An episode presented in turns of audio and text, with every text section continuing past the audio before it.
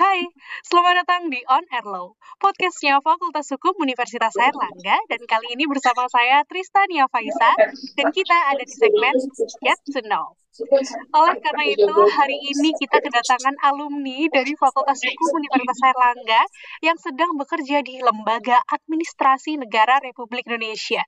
Wah, nggak sabar nih, langsung saja kita sapa. Halo, Kak. Halo, selamat pagi. Selamat pagi, apa kabar, Kak? Alhamdulillah baik. Alhamdulillah. Bagaimana kabarnya nih bagi rekan-rekan semua nih? Alhamdulillah tentunya baik dan semangat karena mendengarkan podcast pada kesempatan kali ini. Oke. Okay. Monggo kakak bisa diperkenalkan dulu angkatan berapa dulu S1, S2 juga angkatan berapa? Monggo. Oke, okay, baik.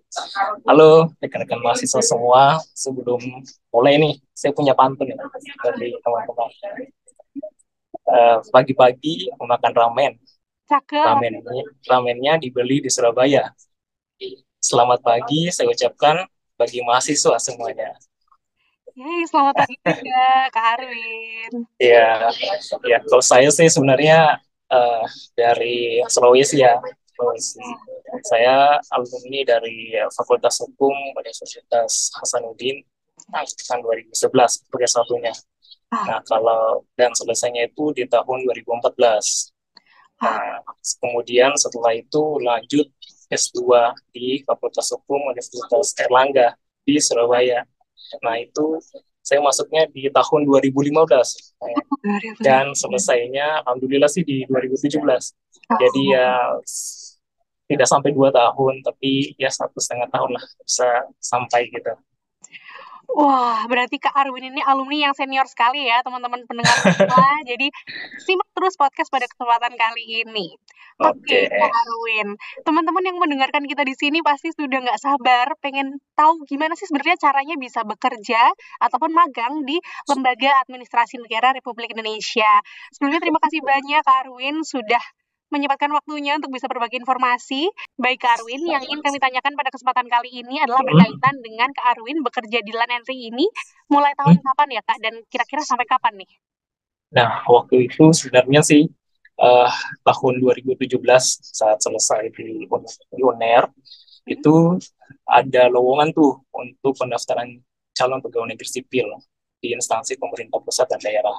Nah, saat itu uh, saya alhamdulillah baru selesai di singkat saya sih di bulan Agustus ya. Bulan Agustus kemudian di bulan September itu dibukalah uh, apa pendaftaran untuk uh, seleksi CPNS nah alhamdulillah waktu itu juga uh, saya mencoba untuk uh, mendaftar nih.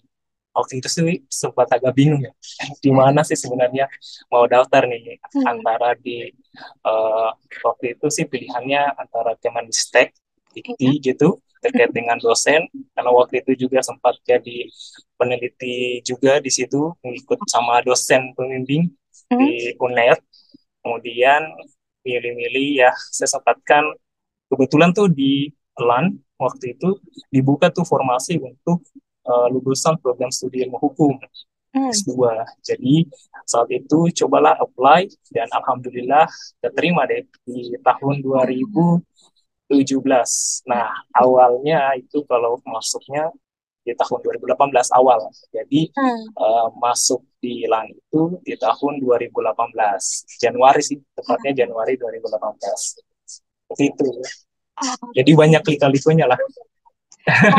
banyak di banyak ininya, banyak waktu itu milihnya yang mana nih antara di untuk ngabdi sebagai dosen hmm. atau mau jadi apa ya mau jadi peneliti ya juga peneliti kebijakan nah itu tempatnya di oh. itu sih dari banyaknya pilihan akhirnya memantapkan diri untuk bisa bekerja di LAN RI. Kira-kira ya. ke depan bakal sampai kapan nih Kak di lembaga ini? Wah, kalau sampai kawan sih ya itu sekarang di sini ya. Oh. Jadi mungkin sampai ya selamanya mungkin ya sampai pensiun mungkin mungkin saja. Atau tapi kan uh, dinamika ya perubahan uh, ke depan itu seperti apa kita nggak tahu. Jadi uh, untuk kita milih di instansi pemerintah mana, nah itu nanti dilihat ke depannya lah. Tapi sampai saat ini sih saya masih berkomitmen untuk tetap di lembaga administrasi negara. Oke, okay, berarti sudah nyaman ya kak untuk ada di sini cukup nyaman seperti itu. Oke okay, yeah. kak. Berkaitan dengan kenapa memilih untuk bisa ada di LAN RI, apakah sesuai dengan peminatannya dulu di Fakultas Hukum atau bagaimana Kak? Nah, waktu itu sih sebenarnya jurusan saya nih, kalau masih eh, teman-teman semua nih, saya panggilnya teman-teman aja ya, yeah. supaya lebih akrab gitu. Jadi waktu itu saya uh, jurusan teh peminatannya tuh hukum internasional okay. HI gitu. Nah waktu itu kan kebanyakan nih teman-teman yang lulusan HI atau hukum tuh ah ini jadi diplomat deh, hmm. wah enak tuh seru banget gitu. Nah tapi waktu itu saya kepikir karena uh, apa ikut juga dosen ya hmm? meneliti juga membuat rekomendasi kebijakan. Nah lembaga administrasi negara itu mewadahi kita tuh sebagai juga peneliti maupun sebagai uh, apa pembuat kebijakan gitu namanya analis kebijakan. Nah, karena waktu itu uh, saya sempat ikut juga dosen untuk hmm. melakukan penelitian. Nah, saya kemudian ada interest tuh minat ke ah. bidang penelitian. Nah, di lembaga administrasi negara ini cocok nih bagi saya. Ada nih uh, wadah yang bisa menaungi saya untuk uh, melakukan banyak sekali penelitian-penelitian terutama di bidang kebijakan uh, publik kemudian kebijakan hukum. Ada juga tuh membuat banyak peraturan seperti itu. Jadi masih sinkron lah dengan uh, jurusan saya sebelumnya gitu. Oke, berarti meskipun peminatannya hukum internasional, tapi min tapi menyambungnya adalah dengan minatnya di penelitian seperti ya, itu teman-teman semua. Nah, tadi berkaitan dengan bekerja di LAN RI ini sebenarnya jika bisa disampaikan kepada teman-teman semua tugasnya itu apa sih Kak sebenarnya di bagian apa, penelitiannya itu seperti apa? Oke, okay, baik. Jadi waktu saya masuk di tahun 2018 itu, formasi saya itu sebagai uh, analis kebijakan. Jadi formasi uh, lulusan uh, ilmu hukum dengan formasi analis kebijakan seperti itu. Jadi kita menyesuaikan dengan formasi saat kita mendaftar nih sebagai calon pegawai negeri sipil seperti itu. Nah, di saat itu saya masih berada di pusat inovasi tuh, pusat inovasi uh, uh, tata pemerintahan.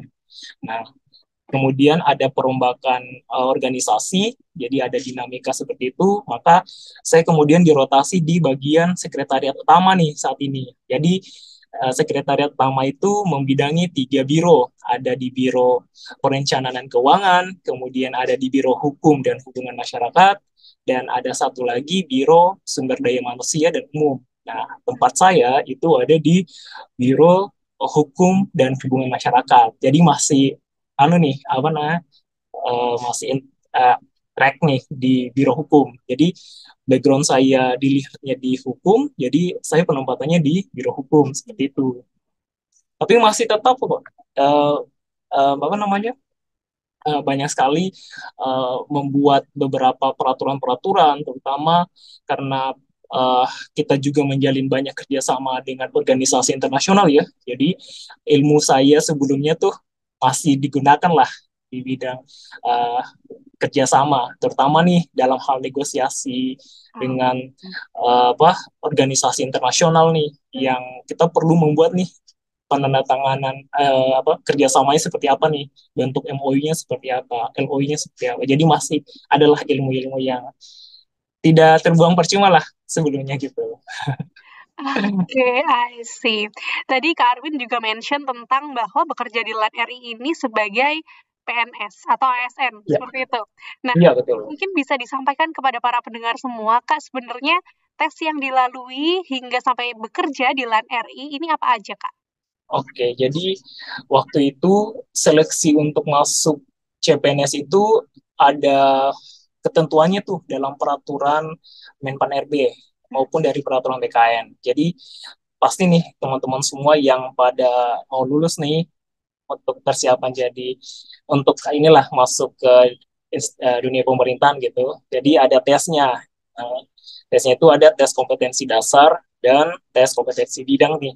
Seperti yang dilakukan saat rekrutmen CPNS. Nah, apa aja tuh kategorinya sebenarnya sih kalau saat itu ya pengetahuan saya nih ada tiga kategori yang dihadapi nih peserta terutama nih tes wawancara kebang tes wawasan kebangsaan TWK kemudian ada tes intelijensia umum Nah, kemudian ada tes karakteristik pribadi atau TKP.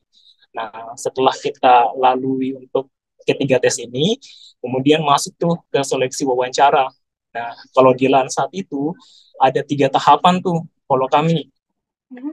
Pertama, seleksi tadi tes kompetensi dasar yang dibagi ke, ke dalam tiga kategori. Kemudian ada tes kompetensi bidang. Nah, saat itu karena formasi saya sebagai uh, analis kebijakan, maka saya waktu itu disuruh uh, menulis apa-apa saja terkait dengan rekomendasi kebijakan dari soal yang diberikan. Nah, jadi setelah kita diberikan soal, kemudian kita buat nih apa sih rekomendasi kebijakannya. Nah, setelah itu selesai, kemudian kita uh, sesi ketiganya adalah uh, wawancara gitu ke, ke dari uh, instansinya. Jadi memang sih tim wawancara ini orang-orang independen ya di luar dari uh, ini. Jadi memang seleksinya seleksinya wah ketat banget saat itu sih. Gitu. Oke, berarti berlapis-lapis ya tahapannya sampai akhirnya bisa diterima.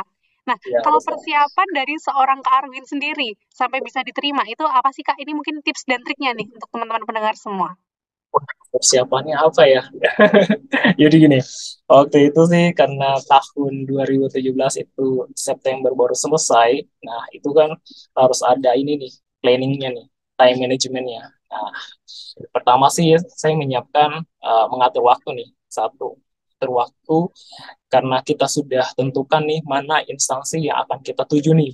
Jadi pilihlah instansi yang betul teman-teman itu ketahui nih tugas dan uh, tanggung jawabnya atau kewenangannya seperti apa. Satu dulu tahu instansinya.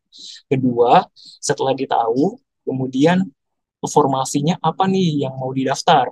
Nah, saat itu karena saya formasinya analis kebijakan, jadi saya banyak uh, mencari tahu terkait dengan aturan-aturan yang menaungi analis kebijakan. Nah, itu ada di peraturan Menpan, kemudian uh, di peraturan yang membidangi uh, instansi pembinanya. Nah, waktu itu instansi pembinanya adalah lembaga administrasi negara.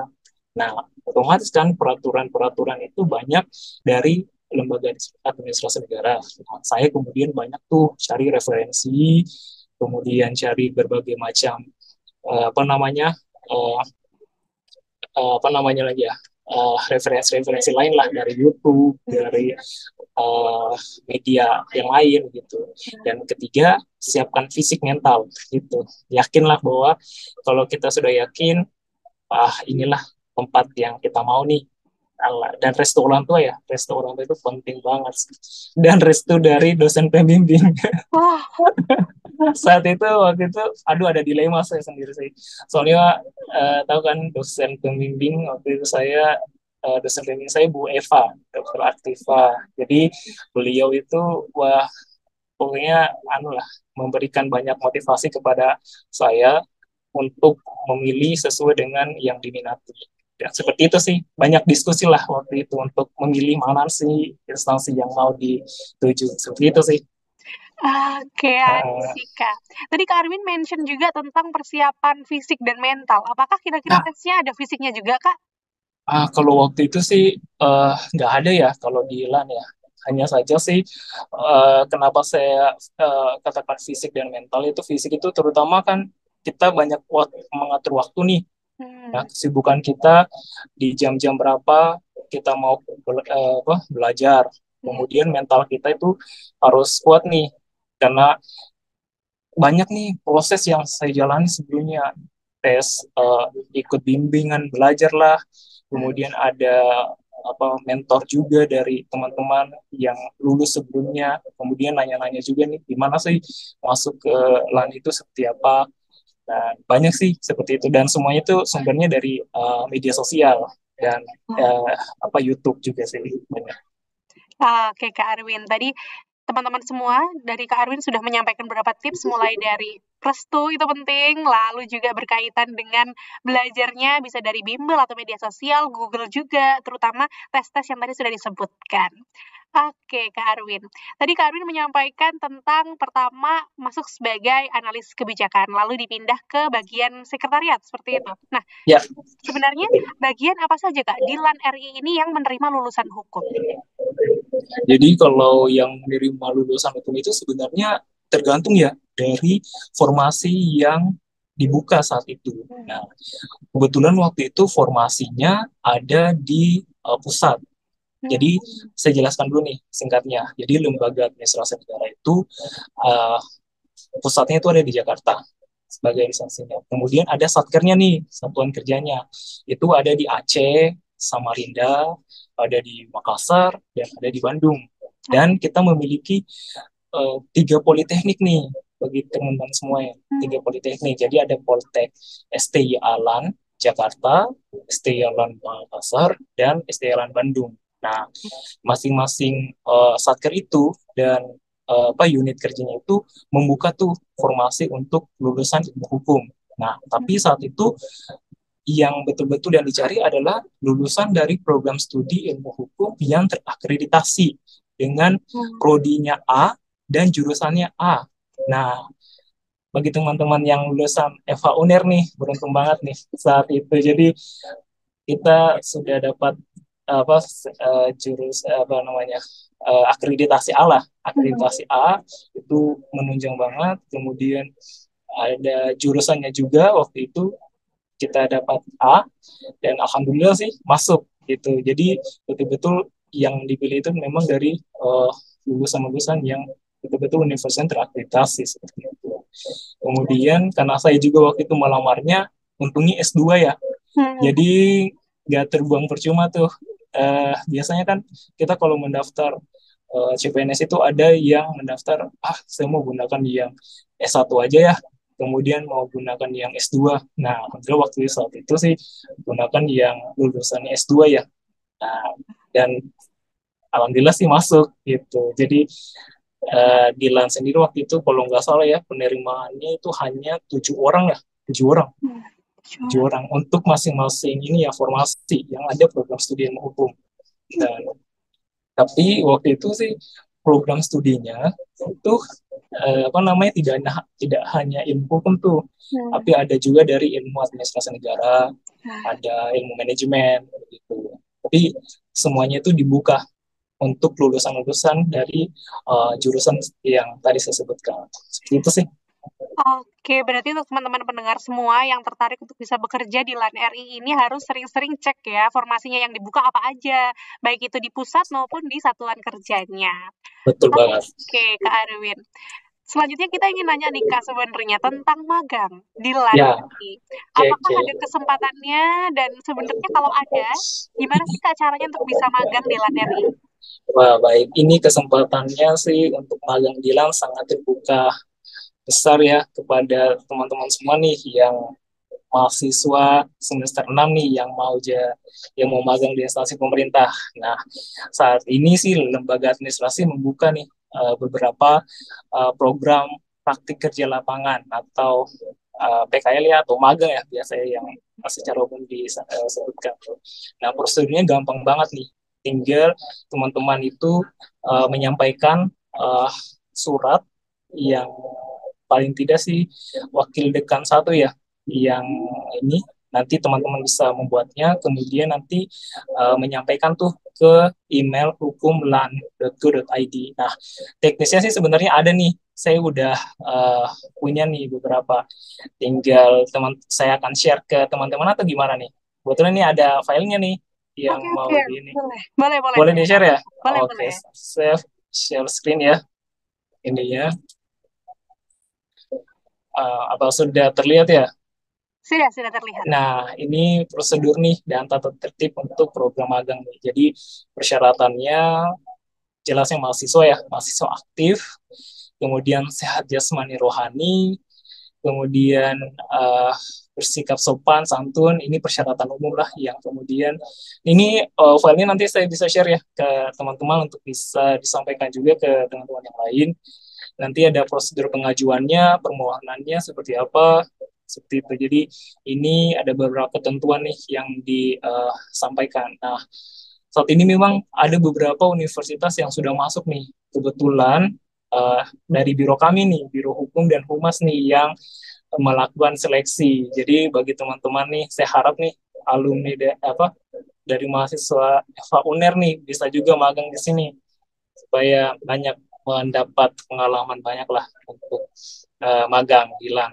Nah ini nih ada ketentuan tertibnya, kemudian uh, apa yang harus di dan nanti ya saran saya sih nanti kalau teman-teman mau magang di sini nanti uh, langsung state aja tuh dalam suratnya maunya di uh, banyak mau dapat pengalaman di bidang apa nih ada di bidang pelatihan diklat nah, nah LAN itu kan terkenal dengan lembaga pelatihan diklatnya ya hmm. Nah, ada juga lembaga ada juga terkait dengan uh, apa ya pembuat kebijakan manajemen ASN seperti itu. Ada juga terkait dengan pembuatan peraturan perundang-undangan. Uh, kalau perat pembuatan peraturan itu ada di unit saya nih di Biro Hukum. Jadi saya ini juga banyak sekali membuat uh, peraturan-peraturan uh, lembaga administrasi negara itu yang berlaku secara nasional. Seperti itu sih. Jadi ini beberapa yang nantilah saya bisa share kepada teman-teman semua nih. Untuk, uh, apa syarat-syaratnya kemudian ketentuannya seperti apa ini gitu.